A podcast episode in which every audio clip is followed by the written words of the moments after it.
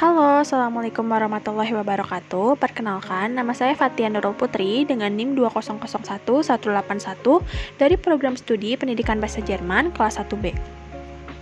Di sini, saya akan memaparkan mengenai dinamika dan tantangan Pancasila sebagai ideologi negara. Nah, yang pertama adalah dinamika Pancasila sebagai ideologi negara. Dinamika Pancasila sebagai ideologi negara dalam sejarah bangsa Indonesia memperlihatkan adanya pasang surut dalam pelaksanaan nilai-nilai Pancasila. Hal ini ditandai dengan beberapa hal seperti enggannya para penyelenggara negara mewacanakan tentang Pancasila, bahkan berujung pada hilangnya Pancasila dari kurikulum nasional. Meskipun pada akhirnya timbul kesadaran penyelenggara negara tentang pentingnya pendidikan Pancasila di perguruan tinggi. Nah, sebagaimana kita ketahui bahwa Soekarno merupakan salah seorang perumus Pancasila, bahkan penggali dan pemberi nama untuk dasar negara kita ini loh. Dalam hal ini, Soekarno memahami kedudukan Pancasila sebagai ideologi negara. Namun, dalam perjalanan pemerintahannya, ideologi Pancasila mengalami pasang surut karena dicampur dengan ideologi komunisme dalam konsep Nasakom. Hakikat Pancasila sebagai ideologi negara juga memiliki tiga dimensi, yaitu dimensi realitas, yaitu mengandung makna bahwa nilai-nilai dasar yang terkandung dalam diri, dirinya bersumber dari nilai-nilai real yang hidup dalam masyarakatnya. Yang kedua, dimensi idealitas, mengandung cita-cita yang ingin dicapai dalam berbagai bidang kehidupan bermasyarakat, berbangsa, dan negara. Yang ketiga, dimensi fleksibilitas, mengandung revelansi atau kekuatan yang merangsang masyarakat untuk mengembangkan pemikiran-pemikiran baru tentang nilai-nilai dasar yang terkandung di dalamnya. Nah, yang selanjutnya adalah tantangan Pancasila sebagai ideologi negara.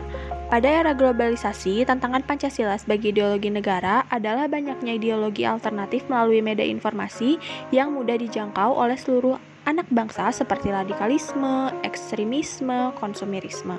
Hal tersebut juga membuat masyarakat mengalami penurunan intensitas pembelajaran Pancasila dan juga kurangnya efektivitas serta daya tarik pembelajaran Pancasila.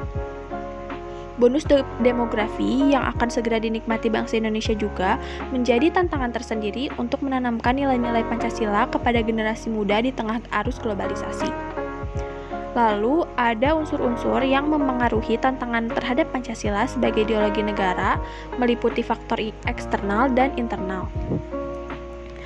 Faktor eksternalnya meliputi pertarungan ideologis antara negara-negara superpower antara Amerika dan uh, Uni Soviet pada tahun 1945 sampai 1990 yang berakhir dengan bubarnya negara Soviet sehingga Amerika menjadi satu-satunya negara superpower. Lalu, menguatnya isu kebudayaan global yang ditandai dengan masuknya berbagai ideologi asing dalam kehidupan berbangsa dan bernegara karena keterbukaan informasi dan meningkatnya kebutuhan dunia sebagai akibat pertambahan penduduk dan kemajuan teknologi sehingga terjadi eksploitasi terhadap sumber daya alam secara masif. Lalu faktor internalnya adalah pergantian rezim yang berkuasa melahirkan kebijakan politik yang berorientasi pada kepentingan kelompok atau partai sehingga ideologi Pancasila sering terabaikan. Lalu ada penyalahgunaan kekuasaan atau korupsi yang mengakibatkan rendahnya kepercayaan masyarakat terhadap rezim yang berkuasa sehingga kepercayaan terhadap ideologi menurun drastis. Nah, untuk itu, mari kita bangkit dan berjuang untuk terus menghadapi segala rintangan dan tantangan untuk Indonesia satu, satu nusa, satu bangsa, dan satu bahasa. Terima kasih. Assalamualaikum warahmatullahi wabarakatuh.